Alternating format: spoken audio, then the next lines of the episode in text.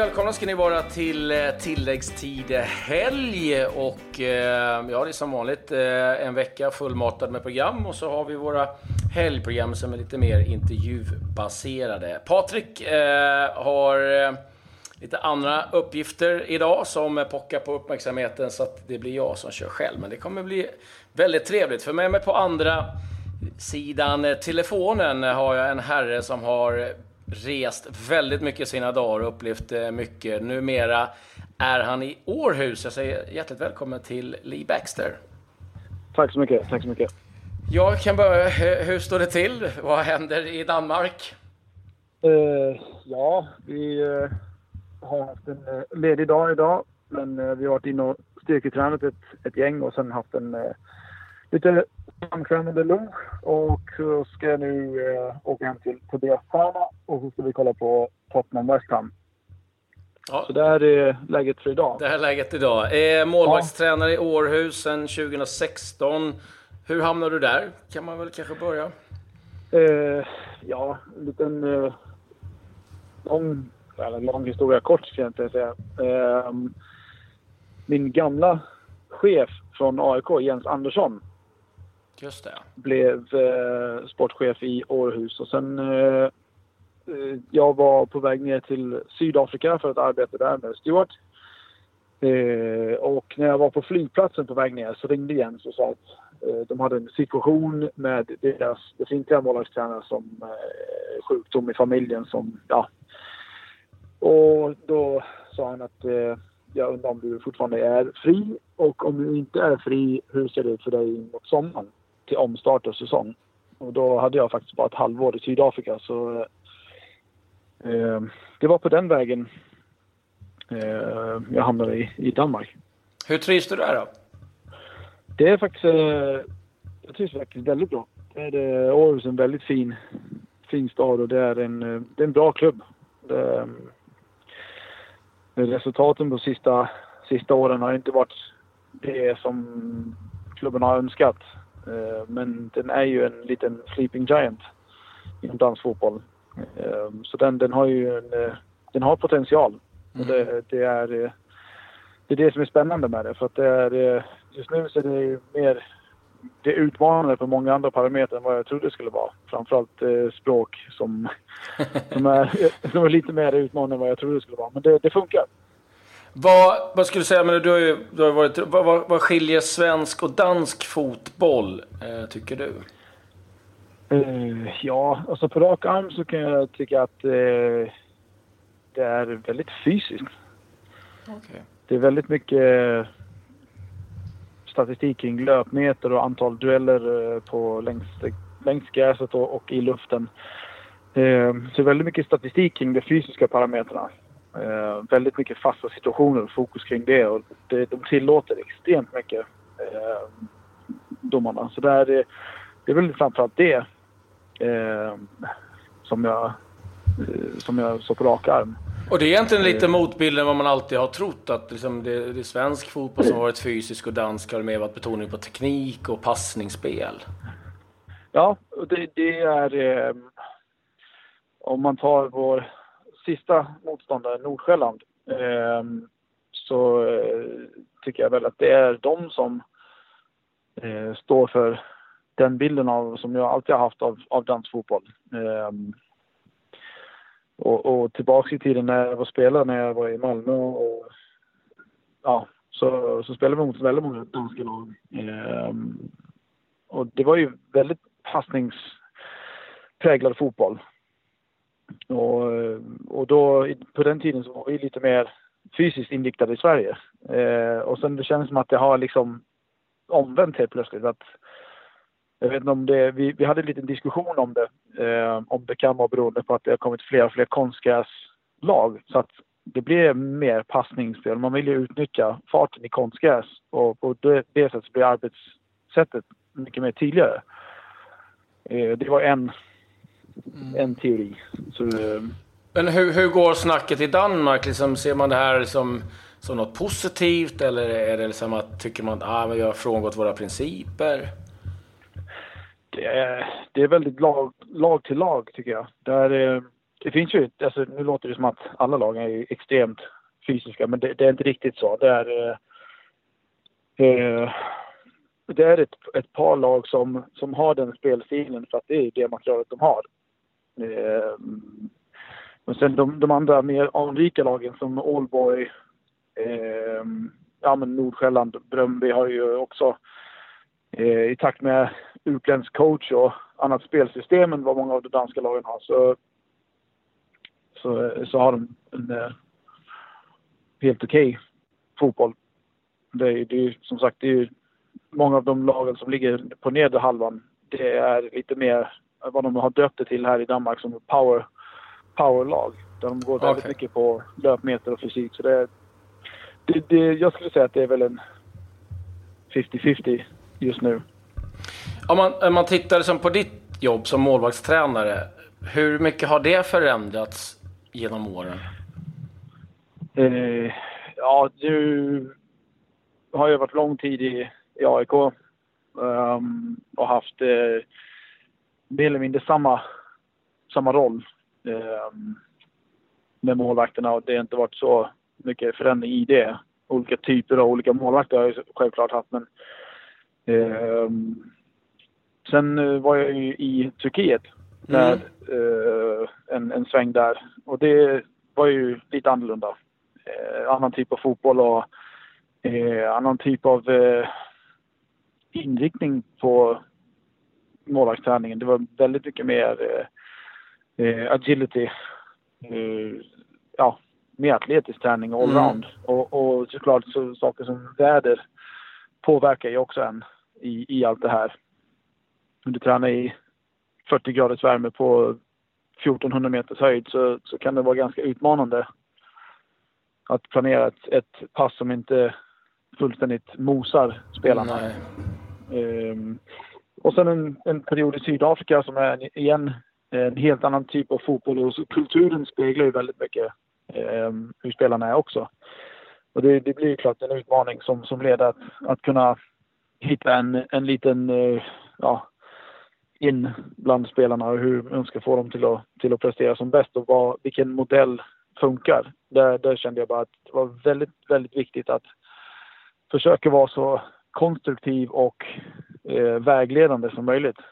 Eh, istället för att ja, höja rösten, för det, det, det fungerar bara inte.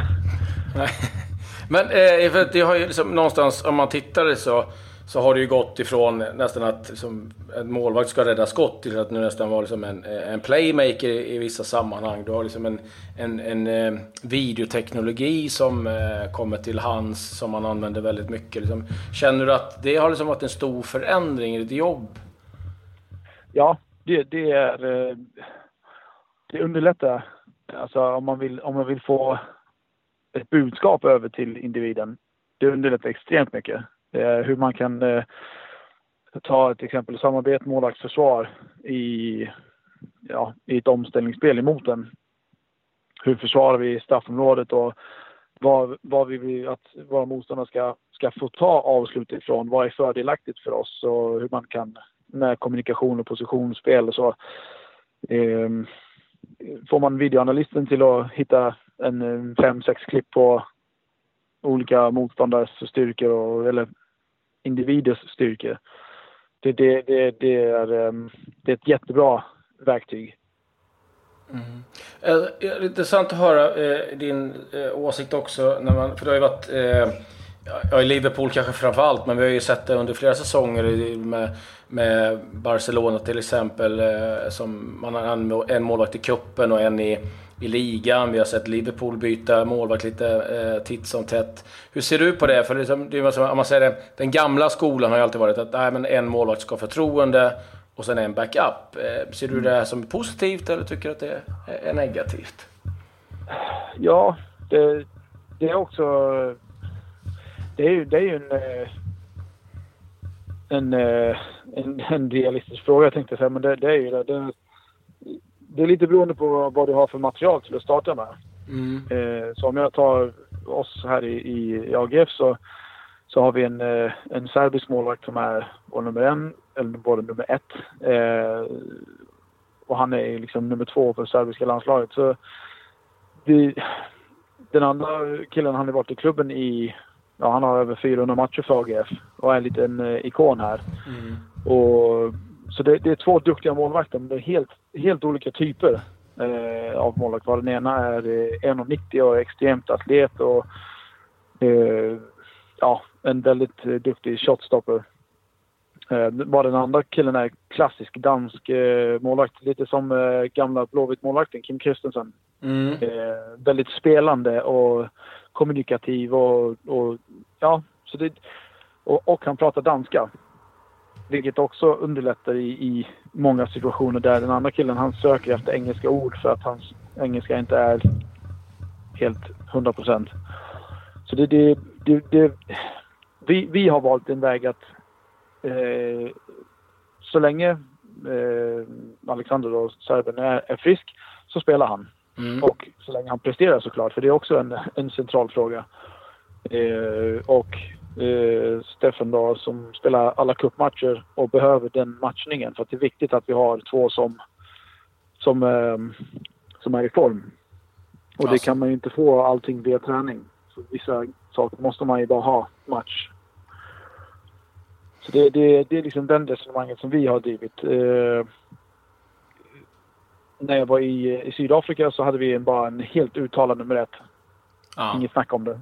Eh, och de andra två som var bakom, de, de fick slåss om vem som, eh, vem som skulle kunna vara med på bänken och, och, och backa upp. Eh, för, för, jag kan ju tycka att det är lite intressant där, liksom, om du har lite som du beskriver nu i, i, i din nuvarande klubb, att lite två olika målvaktstyper och du möter ett lag som du vet att nu spelar de här väldigt mycket inlägg. Mm. Att man då kanske, ja men då har vi en målvakt som är bättre i det spelet. Ja. Så jag, vet att vi, vi har haft den här konversationen tidigare med dig själv och eh, Pontus Kåmark. Mm. Kring Joe Hart och Pantillimon när de var i Man City. City, ja precis. Och då snackar vi lite grann om hur, hur resonerar man som målvaktstränare, tränare kring Joe Hart hade en period där han hade haft en liten tyngre period också i samband med laget. Mm. Men det hade kostat honom några mål och ja, men som målvakt när du, när du, när du gör ett, ett mindre misstag så, så syns det bara så mycket tydligare än vad det, vad det, det gör hos eh, andra spelare. Och hur resonerar man då Eh, så att man har ett förtroende, eller man blir trovärdig gentemot gruppen och den andra målvakten som också är en landslagsman.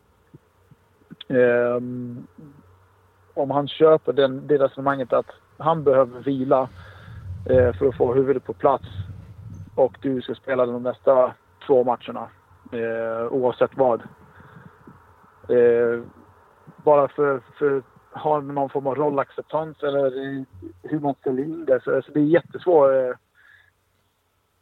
Ja, det är en, det är en intressant diskussion. Ja. Alltså, för det, är, man, man, eh, det, det är som just att det är aldrig någon diskussion om att, att man roterar en backlinje. För det var liksom, innan var det ju väldigt så mycket att man spelar en fyrbackslinje och en målvakt. Det, det var någonstans ja. konstant, i alla fall en centrallinje. Så är det ju inte riktigt idag heller. Nej, Nej det, det, det, det är ett par lag som har gått in med den här inställningen att vi ska, vi ska ha någon form av rotationssystem. Um, vilket är jättebra om man har en trupp på 40 man. Ja. som, som, som alla är högavlönade och, och, och, så. Men det blir också jättesvårt att, att, eh, att sätta någon form av riktig eh, grund tillsammans om man tar målvakt och backlinje. Mm. Eh, så alltså om man tittar bakåt i tiden historiskt så har det ju alltid varit eh, ja men vi tar eh, Arsenal när eh, Simon, Simon och, och Bo Dixon, Winterburn, Adams, Keown, den, den gruppen. De, ja. de spelar ju liksom, släppte nästan aldrig in några mål. De hade ju bara ett, ett konkret sätt att, att jobba tillsammans. Nu, nu ser fotbollen väldigt annorlunda ut idag, men det, det var bara ett exempel. Mm. Ja, det, det är intressant det där och det är kul att följa den utvecklingen lite grann. Eh, om vi tittar liksom tillbaka eh, på din karriär så har du varit runt liksom Blackburn, Astrio, eh, Hiroshima, Kobe, Rangers, AIK, Malmö FF, Sheffield United, Göteborg, Boden, MFF och, och Landskrona. Eh, det, det, är en häftig resa. Ja. Jag är fortfarande registrerad i AGF som spelare. Ja, du är det? du, du krigar på! ja, men jag har försökt lägga av sedan 2008 för att jag bara insett att liksom, nej, det, det, kroppen håller ju inte längre. Så, så, så, så tränar man och så tänker man ah, okej, okay, det här är ju fortfarande jätteroligt. Det är ju liksom bland det bästa man vet att kasta sig runt där. Men dagarna efteråt däremot, det är, det inte lika kul längre.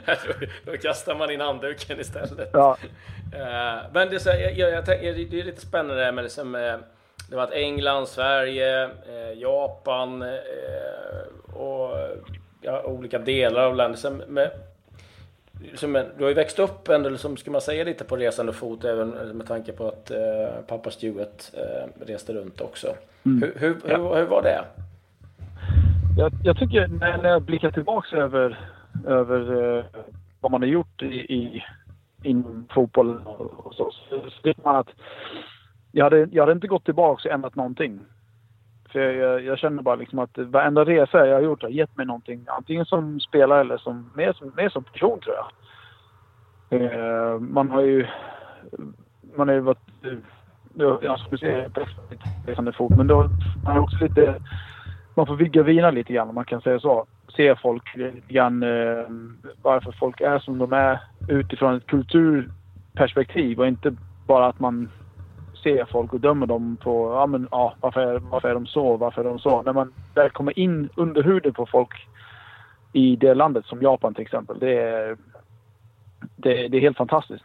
Det, det ger en så mycket så det är, eh, det är också någonting som jag försöker att berätta för mina barn om. Att mm. det, är, eh, det är en viktig sak att, att, att förstå varför saker och ting fun funkar som de gör i vissa länder. Och inte bara liksom döma det rakt av. Det är det. Ja, så på den, på den eh, fronten så har ju fotbollsresandet gett mig jättemycket. Hur var det i Japan då? Kan du berätta liksom, vad är den stora kulturskillnaden? Eh, ja, språkbarriären är ju den är ju svår. Mm. Uh, jag flyttade dit när jag var 16. Uh, nästan till 17. Och tror jag spenderade de första åtta månader uh, av säsongen i, genom att gå upp på morgonen och åka till träning, träna fram till klockan ett och sen slänga in mina lunch och sen sitta från ungefär halv två till sju på kvällarna på skolan och bara läsa språk. Okej. Okay. Och sen... Eh, och sen efter en tid så börjar man ju få lite mer kontakt med de japanska spelarna. Och man, man är tvungen till att göra det för att det, engelskan är... Det är som att ingen snackar engelska för alla läser ju engelska som vi i, i skolan läser läser engelska i Sverige. Mm. Eh, eller, eller ett annat språk, franska, tyska, whatever. Um, det är bara att det är en... Folk är lite rädda för att göra misstag och, och på det sättet lite så här, tappa ansiktet lite grann. Nej. Um, så, men sen så kom det till en punkt där, där jag kunde konversera och såklart man blir bra på det man gör ofta och är man ju där konstant. Man hör språket, man, man, man, man gör fel och sen läser och gör rätt. Så där, det, um, där, där, när den barriären passeras så så öppnar ju hela landet upp för den. Um, för att det, det, de är väldigt, väldigt stolta människor. Mm. Uh, och när en utländsk tar sig tid att lära sig deras språk och, och kan konversera med dem på ett sätt som är uh, som det, det flyter på. Så de, de tar det som en, uh, ja, en, vad ska man säga, eh, ja, men de blir väldigt glada och öpp de öppnar upp lite mer. De, de som slappnar av lite för det finns ju såklart en historik i, i Japan. Ja. Till, eh, ja. När man tittar på ja, en, en kille som är eh, 1,86 och han är blond och blåögd. Och det, direkt det första de tänker på är att ja, men är du med i marinkåren? Jaha. Och det, det är lite sådana eh, så historiska, speciellt när man bor i Hiroshima av alla ställen. Så, så man kan lätt bli stämplad. Ja, jag förstår det. det. Och det, det förstod jag inte i, i början, men det tog ju en liten, uh, liten stund. Och sen börjar man ju inse liksom att, ah, mm, okej, okay, ja, nu fattar jag. Så det... men sen, eh, sen andra saker. Det är ju matkultur. Ehm, eh, och så saker och ting som jag, som jag tycker är, eh, fascinerar mig. Det är att Japan är ju en... Eller de, platserna som jag har bott på i Japan, de, de var ju väldigt, väldigt säkra. Eh, aldrig några, så aldrig något bråk eller så aldrig några... eh, Ska man säga... Så, irritationsmoment eh, inne i stan eller... Eh, det, det var bara väldigt, väldigt eh, sansat. Okej. Så det, det var ju också en eh, sån här sak som jag la märke till att... Jaha, okej. Speciellt när man har kommit från England och det är här pubkultur och... De har ju sett ett eller annat bråk över en pint så. Det, det, det, det, det, liksom så här, det krockar lite grann där. Men ja, det var en liten befrielse kände jag. Men just den här kulturen med att, att eh, inte tappa ansiktet. Eh, hur fungerar den i ett omklädningsrum där det ofta kan vara ganska hetsk och, eh, och framförallt kanske man hamnar i en tränarsituation när man ska peta folk. Ja, där, eh, som, som spelare så, så var det ju väldigt... Eh, eller själva... Om, om, man ska dra det tillbaka igen till eh, kulturen så är det ett väldigt, väldigt hierarkiskt samhälle. Ehm, där du pratar med någon som är yngre än dig på ett visst sätt och någon som är äldre än dig. Oavsett eh, position eller rang eller så, så, så har du ett annat sätt att prata med dem. Det är väldigt mycket... Eh, ja, det är lite finare bara. Och det, och det, det, det kommer ju in i omklädningsrummet också. Eh, som utlänning så har du lite svängutrymme där för de förstår ju att du inte förstår spelet. Nej. Ehm, och sen när du kan språket då, då försvinner den friheten och då får man ju verkligen vara, vara skarp där. Så det, det är ju en, en sak som, eh, som är en påverkande faktor. Det andra är att de, de japanska spelarna överlag är extremt lojala. De gör sitt arbete. Det är, eh, de ska inte visa någon svaghet. Eh, Är du med i startelvan då är det jag ska ge 100% för dig, för du är min chef. Du är på bänken. Okej, jag ska ge 100% för dig, för du är min chef. Det är ungefär, Okej. det är ungefär så det är. Det är samuraj... Eh, Ja, det är inga slängda tröjor och, och, och eh, andra utbrott på det sättet. nej, det, det, jag, det har inget minne av att jag, jag har sett det. det. Det enda som jag har, kanske har lagt märke till det kanske var de utländska spelarna. Att de har, de har eh, betett sig på det, på det sättet. Mm. Men inte från eh, de japanska spelarna. Eh, och jag kan tänka mig att det var en ganska kort tid i Turkiet i Genser Beligi, men jag, jag, jag har en känsla av att du lärde dig ganska mycket där också. Ja, framförallt hur man hanterar en, eh, en eh, översittande chef. Um, våran dåvarande, nu har han ju tyvärr, han gick han ju bort eh, förra året, presidenten i klubben. Okay. Men på, jag tror det var någon statistik där att på 39 år har varit, varit, eller varit president i klubben så har han sparkat 59 tränare. Oj. Så det är hans track record är ju lite sådär, ja. Den är inte så jätte, jättebra. Men, eh, men, men det är klart, det, det blir ju en, alltså, som, som målvaktstränare då, exempel. Du kommer ner till, till eh, anläggningen. Du har planerat din träning. Du vet exakt vad du ska göra. Du vet exakt hur lång tid du har med, med målvakten att, att arbeta innan de går in med resten av träningen med, med spelarna. Och så kommer presidenten in och så varenda dag frågar han. Ja, vad ska du göra idag?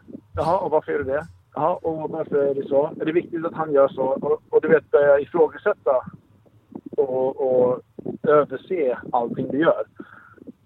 Så du får ju lära dig liksom vara väldigt politisk i, i, i det. För ja, man hade ju fått sen veta att ja, men okej, han har ju sparkat så här många tränare så kanske jag ska passa vad jag säger. För att det är någonting fel, då kanske jag är ute i dörren snabbare än vad vi var. Ja. Så det, det, det är ju liksom... Men det var, det var i stort sett varje dag han var nere. Ja, mer eller mindre. Han hade kontor på, på anläggningen och han kom dit. Och sen var det ju liksom lite militärisk eh, upp, uppradning ibland på, på spelarna för att ja, han ville det. Han skulle maktdemonstrera och och någon dag så, så kom han in och så var han jätteglad och så skulle han ta och skaka hand och, och klappa en på skuldran och säga att man gjorde ett jättebra jobb. Och dagen efter så skulle han komma in och bara fullständigt eh, demoralisera för att han kan. Så det är lite, man, ja. Det, det var den på tårna om man säger så. Ja, det var inte den svenska modellen. det var... Nej, det... Ja, men det, det, det, men det var det jag sa innan. Att jag hade inte gjort någonting ogjort för att jag, man har lärt sig väldigt mycket från de olika situationer man har varit i. Mm. Det, det, är bara givande. Ja, alltså, alltså en, en situation som eh, alltså, ja, tyvärr eh, måste får jag säga, jag eh, lärde dig mycket. Det var ju givetvis när eh, du jobbade i AIK och Ivan Torina gick bort. Liksom, hur, hur minns ja. du tillbaka på det här? Det var ju liksom den 2 maj 2013. Uh, eh, ja, alltså hela förlöpet av den dagen var ju... Den, den sitter ju etsad i hjärnan på en, tyvärr. Um, bland massa andra saker kring Ivan. För det är, eh, han, han var ju bara en sån karaktär som, som hade förmåga att med ett par enkla ord eller med någon mening sätta en, en eh, ja, men så han satte en atmosfär i omklädningsrummet. Han har ju, han har ju myntat uttryck som vi fortfarande alltså, använder än idag. Um, och det, det, är så, det är så märkligt för att Niklas Backman som jag jobbade tillsammans med i AIK och i Väsby, han spelar ju också AGF. Och, och vi gör ju gestikulering eller säger saker och ting till varandra här i Danmark framför alla de andra spelarna som inte fattar någonting. Som Ivan har liksom, de uttryck som han har myntat säger vi här. Och det, det, det hänger ju med. Eh, när jag ringer någon gång och pratar med Kenny Stamatopoulos så, så, så, startar man alltid med liksom någon fras eller sånt som man skrattar åt. Och, eh, ja, jag tycker samtidigt så är det ett fint sätt att, att komma ihåg en, en, eh, en ikon. Ja, absolut. Var, eh, för, men du var ju någonstans med och, och scoutade fram Ivan till AIK, eller hur? Ja, vi, eh, genom eh, en, vi fick en, en, eh, en, en heads-up från en, en agent. Eh, och så åkte jag ner till, till Zagreb. Och så sa jag Ivan i träning, så skulle jag säga Ivan i match och så skrev han i träning och så satt vi och snackade eh, på, vi var ute och käkade middag med varandra och bara fick en jättebra magkänsla av att den här killen, han är bara klockren. Han är superprofessionell, han är eh, familjefar, skötsam. Det var liksom no nonsense. Han har varit i många klubbar eh, som har haft höga krav på sig. Jag tyckte bara liksom det, det passade ju AIKs eh, mall eh, perfekt. Skötsam, varit i en eh, krävande miljö, eh, skolad. Du vet, ja, så, så, när han kom till, till Stockholm då, för vi sa liksom okej, okay, vi vill ha en över... Eh, faktiskt, jag vet inte ens hur det gick till, men de gjorde ett väldigt bra jobb, de som jobbade där med, med Jens och, och Björn och det hela, att få in honom eh, på provträning. Fick han över ett par dagar. Hans första träning var där. Och så kommer jag ihåg bara exakt vad han sa i bilen på väg tillbaka till hotellet. Så sa han No, my training was not so good today, but tomorrow we will see the difference. Och så dagen efter så hade vi en, eh, en träning där vi hade en massa avslutsträning i, i den sista delen. Och han fullständigt, nu skämtar jag inte, under hela min karriär har jag aldrig sett en uppvisning av målvaktsspel på den nivån som han gjorde. Och det tänkte jag bara, herregud, vad är det? Förstår jag skrattade lite grann och så sa Jens eh, då att ja, frågan är ju inte liksom om vi vill ha honom. Frågan är vad fan kommer det kosta oss? så, så sa jag bara, ja men jag, jag, jag vet inte men det känns som att vi har gjort jobbet bra i alla fall och nu får vi ta det därifrån. Så där är det, ja. Men det är en, det är en, det är en målvakt som jag kommer att komma ihåg ja, väldigt, väldigt lång tid.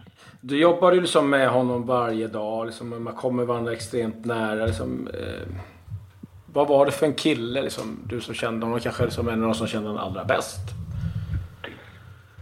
Ja, men så, som jag var inne på tidigare, men så han familjefar. Eh, fantastisk vän. Alltså det, och väldigt ärlig. Extremt ärlig. Nästan på gränsen till att, kan du säga det där? Men han, han var ju bara sån. Han, han sa saker och ting som han såg dem. Eh, och sen hade han ju också ett, ett sätt att... Eh, han, han sa bara vissa saker och ting. Han försökte inte vara, vara rolig, men han var extremt rolig. Eh, jag bara ta ett exempel att eh, vi skulle spela mot CSKA Moskva eh, på bortaplan. Mm. Eh, matchen som vi vinner och går vidare till Euroleague gruppspel. Och då har han eh, hittat en taktiktavla eh, i omklädningsrummet eh, inför uppvärmning. Varav han sätter målvakten i, i mål och sen så bara parkerar han typ 11 spelare rakt framför målområdet och så tar han hela bänken och så sätter han hela bänken in framför målet. Så det här är vår taktik idag. Så här kommer det se ut. För annars blir det minimum 5-0. och, så, och man sa det på ett sätt som var lite så här halvironiskt. Eh, men ja, det var så små saker som han som han hade en förmåga till att få folk till att skratta och slappna av lite grann faktiskt inför, inför den matchen. Ja, hur var det med den dagen? Jag menar, det var Ivan, det var du och det var Kenny Stamatopoulos som givetvis var liksom en, en, en, eh, trio som jobbade med väldigt nära där. Som, mm. hur, hur, det måste vara otroligt tomt och, och jobbigt när man kommer till första träningen. Ja, det var... Det, det sjuka är att, och det har jag och Kenny pratat om väldigt många gånger, även under matcherna, alltså tiden efteråt. Um, först och främst så måste jag säga att anledningen till varför Ivan var också en procentuellt så, så bra målvakt som han var, det var bara på grund av Kenny Stamatopoulos. Så han, han drev sig själv i en position där Ivan var väldigt, en väldigt stark nummer ett. Men Kenny han gjorde ju absolut allt, allt, allt, alltid för att pusha sig själv, sig själv och pusha Ivan i den, den riktningen som vi ville att spelarna skulle gå. Så det, det, det måste man ju också ge lite cred till Stan för han, han fick ju tröjan kastad på sig i ett läge där man aldrig vill få den kastad på sig.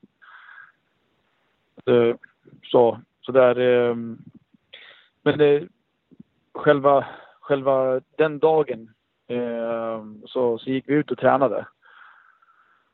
Och så joggade vi runt lite grann där och så tänkte vi, fan, det, det, det, det var så en märklig känsla för att vi sa ju det båda två att det känns som att han kommer bara komma joggande ut snart. Han kommer bara dyka upp eh, när som helst. Och det sa vi många, många gånger eh, under matcherna när, när eh, fansen började eh, sjunga för, för Ivan. De första gångerna. Det var, det var, det var kusligt. För vi, vi sa det liksom bara två att eh, man sitter och, där och så tittar man på jumbotronen. Eh, eller så står han liksom in på plan och så kollar han upp i jumbotronen. Och så, precis som att man känner liksom man ögonkontakt från, från plan och ut mot bänk och så tänker man liksom samma sak att fan, har det här hänt Liksom, På verk, alltså, är det verkligt? Men gick det, ju... gick det att hålla tillbaka tårarna liksom när, när det där kom? Ja, alltså vi, vi hade första matchen mot Blåvitt på hemmaplan. Um, där det var en väldigt stor uh, ceremoni kring uh, Ivan med hans matchtröja det var en bild på honom runt eh, vid sidan av målet. Det var eh, en banderoll och så var det en matchtröja som var omringad av rosor. Och så på en tidpunkt så tänkte jag bara, jag, det här liksom, det, det, kan bli också allt för mycket känslomässigt för, för spelarna att hantera. Så ska vi spela mot Blåvitt som är en, som är en stor rival till AIK och så det blir, det blir ju, det gnistrar liksom i den matchen. Och ja, som, som tur är så, så jag tror till och med vi vann den matchen. Eh, jag tror Majstorovic satte en straff i ribban och vi hade en massa chanser. Och, så, och Stam spelar ju helt outstanding och då blir det också en sån här eh, hjälteroll på honom också lite grann. Så det, det skiftar fokus. Eh, vilket jag tror för gruppen var bra. Eh, men det, det... Ja, men, men år efter så, så står man på Karlberg och så, så står man och lagar sin frukost där. Eh, och så är det liksom på själva dagen och så då är det ju att man blir väldigt, eh, ja, man blir väldigt eh, känsloladdad. Just alltid kring den dagen. För jag, jag, det är så många saker som man kommer ihåg som familjefar själv. Om man tänker sig själv in i den situationen. vad man lämnar tillbaka, alltså man lämnar efter sig när man har gått vidare. Um, hans, eh, hans fru då. hon var gravid då med tvillingar. Hon hade haft tvillingar och var gravid då med, med, med lillgrabben. Eh, um, och man var uppe i lägenheten och, och liksom beklagade liksom förlusten och, och försöker visa att man är en stöttegrupp för henne eh, och barn. Det, det, är bara, det är så många som... vet, det blir ju en eh, overload i slutändan. Ja. Vad lärde du dig liksom om eh, för det måste ju ändå varit en period man går där, när man väl kommer utifrån att man lärt sig ganska mycket om, om gruppdynamik och, ja. och bearbeta sorg tillsammans och sådär. Ja, den, den viktigaste saken som jag tog med mig från den där um, händelsen, eller den viktigaste, men en av de viktigaste, det är att man ska aldrig skiljas från tränings, träningsanläggningen som ovänner. För vi hade haft en jättedunst bara några dagar innan. Där jag skällde ut honom inför hela gruppen och sa att han betedde sig på ett, ett förfärligt sätt och jag tyckte det var under hans professionella nivå. Um, han var frustrerad över en massa saker och ting. Men sen efter, efteråt så kom det fram att det var ingenting med fotbollen att göra. Mm. Det var massa andra saker. Liksom hans mamma var sjuk och sen sa men du vet, jag finns ju här som din direkta kontakt utanför eh, fotbollsvärlden även fast vi jobbar tillsammans. Och så snackade vi ut om det och så sa jag liksom, ja men du vet, ja men fint. Så, så stack vi iväg och så tog vi en kopp kaffe tillsammans och så satt vi och fika och skrattade och du vet, skrattade som så tårarna rann. Mm. Och sen dagen efter så bara så, pang, så var han borta. Ah, och det, det är ju liksom mer den, den saken som jag tänker, herregud, det kunde ha gått så här. Det kunde ha varit det att det var det sista vi sa till varandra. Ehm, ja, så det, det, är ju det är ju en sak. Ehm, en, en eloge till, till eh, alla som var inblandade kring, kring den eh, den händelsen som jobbade både innanför och utanför klubben. Eh, våra egna supporter då och så fans från, från massa olika lag och du vet, där, där, det visade att fotbollsvärlden är ju väldigt enad. Även fast på, på lördag eftermiddag så, så är man mot varandra. Så är man faktiskt man är, man är i det för, för passionen för sporten. Ja, nej, det var otroligt fint. Alla liksom var ju, drog ju verkligen eh, åt, åt, åt rätt håll eh, under ja. den perioden. Eh, sen, sen, var det ju en situation där, då, där var ju du hittills inte liksom med, men då, jag antar att du har ju läst och pratat mycket med, med det som hände med, med Kenny eh, sen här eh, ja, under den här säsongen med, med ja. läggmatchen där. Liksom. Hur, yes. hur, hur kände du kring allt det där? Det, det var ju en eh, liten märklig händelse. Händelseförlöp kanske. För det blev så här, någon info kom ut, någon info blev sagt som inte skulle bli sagt och vem som var fel eller rätt. Det, det, det blev en liten halvcirkus kring den biten. Så jag, jag skrev faktiskt till Kenny och skrev bara att um, ja, jag finns här om du, om du vill snacka. Ehm, och då ringde han faktiskt till mig och så sa han att ja, men, jag kan inte säga för mycket men jag kan berätta lite grann hur, hur det gick till. Ehm, och han sa aldrig någon namn eller liksom eh, nej, nej. så men, men han sa bara liksom att det är helt sjukt. Han sa det är det absolut sjukaste jag varit med om. Han sa det är ungefär som när Ivan gick bort. Den tomhetskänslan har jag inom mig just nu. Och då, då målade det upp en bild för mig liksom att de, herregud, liksom, fan stackars kille som han går. Han som är så extremt, extremt lojal och så... Du vet, det är den sista människan i världen som, som, eh, som skulle göra en sån där sak. Och det är kanske just därför han har blivit utpekad, för att ingen skulle tro på det.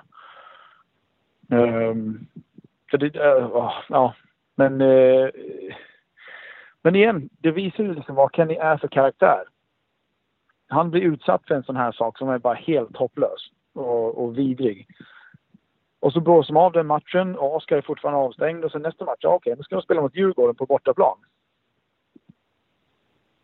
I, i bland allt det där. Och så, okej, så har ni gjort en sån här sak tidigare i sin karriär med bortgången av Ivan som spelar mot IFK Göteborg på hemmaplan och det är en massa ståhej kring, kring det. Och så går han in och så gör han en jätteinsats mot Djurgården. så det konkretiserar hans status bland klubb, fans, ledning, spelare, du vet, även fotbollssverige. Um, att, ja men herregud, vad är det här? Det här är en, bara en stand-up guy. Alltså alla dagar. Så där är, ja, blir, du, blir du förvånad att det hände? Jag blir jätte... Alltså, det, man blir alltid förvånad när det händer inom Sverige. Man blir ännu mer förvånad när det är en av ens bästa kamrater som blir direkt kontaktad. när man känner honom liksom ja. alltså, utanför plan och man umgås liksom eh, privat och man har socialiserat med barnen, leker ihop och familjer umgås tillsammans och så. Då, då blir man ju jätte... Man blir ju man blir nästan angripen själv tycker man. Det, har, ja, har, har, du själv någon gång upplevt något liknande när du är utomlands? Nej, nej vi, fick, vi fick en... Eh, mitt första år tror jag det var, när jag var i Hiroshima. Då fick vi en... Eh, eh, ja, en, inte en föreläsning, men vi fick en... Eh, vi blev kallade till ett möte, hela spelartruppen tillsammans med eh, någon högt upp i polisen. Och då var, då var det någonting de skulle berätta om spelkarteller. För gambling är väldigt stort i Asien generellt. Och att vi ska vara uppmärksamma på det, det och det. Eh, men det var inget i form av... Eh, de nämnde aldrig matchfixing och sånt där. För det, det var bara liksom att de skulle spela på matcher. När, när, när, när Kenny ringde dig, liksom, eh, gav du honom något råd då eller var det bara att någon, någon att prata med? Ja, men han, han berättade ju hur han hade agerat och jag, jag, kan bara säga att han, han gjorde bara i min värld helt rätt. För kontakta rätta personer, var helt ärlig. Lämna inte ut någon information eh, som är viktig. Bara oavsett hur svårt det är så ska man bara göra ja, rätt sak. Och det är ju inte alltid så enkelt. Men han... Eh, och det, det, visar återigen liksom vad han är för typ av person, vad han är för karaktär.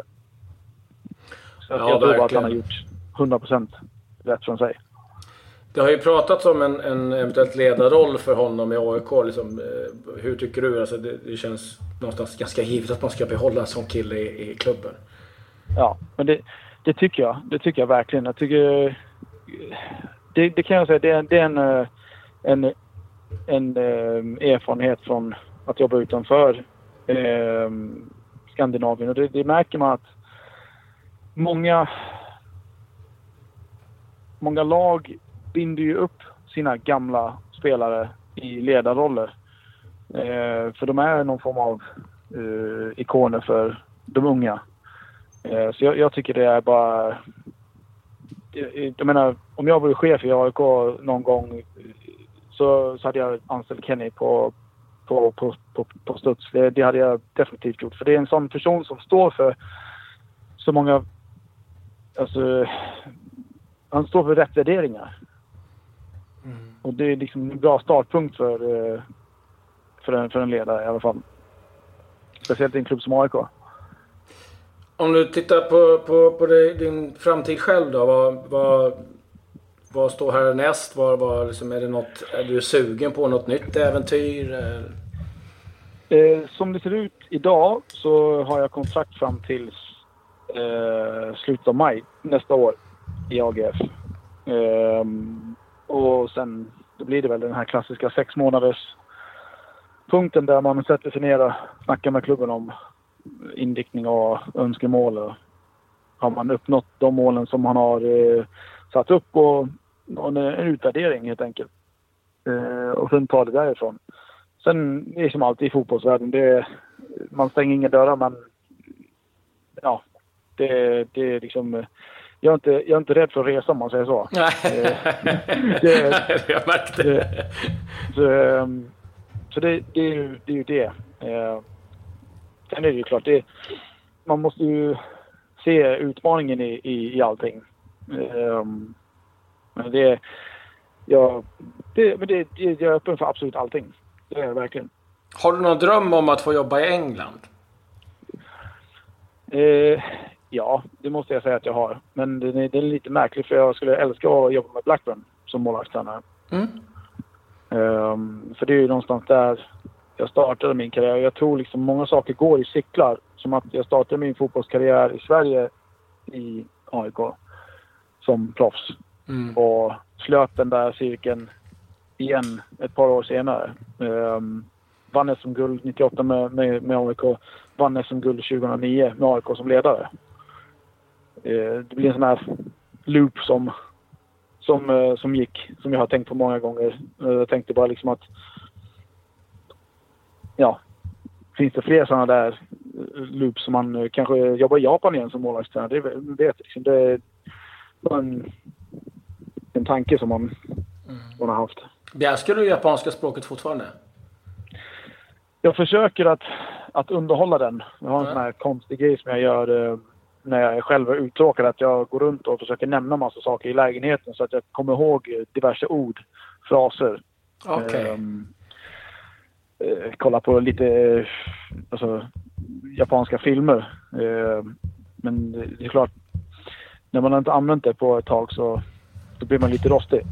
Ja, ja nej, det förstår jag. Så att det förstår jag. Eh, ja, vi får hoppas att eh, Blackburn kanske först och främst börjar byta ägare så att de blir av med de här ja, lite halv, halvmärkliga eh, kycklingägarna, får vi väl säga, som har ja. skapat eh, minst sagt kaos i klubben.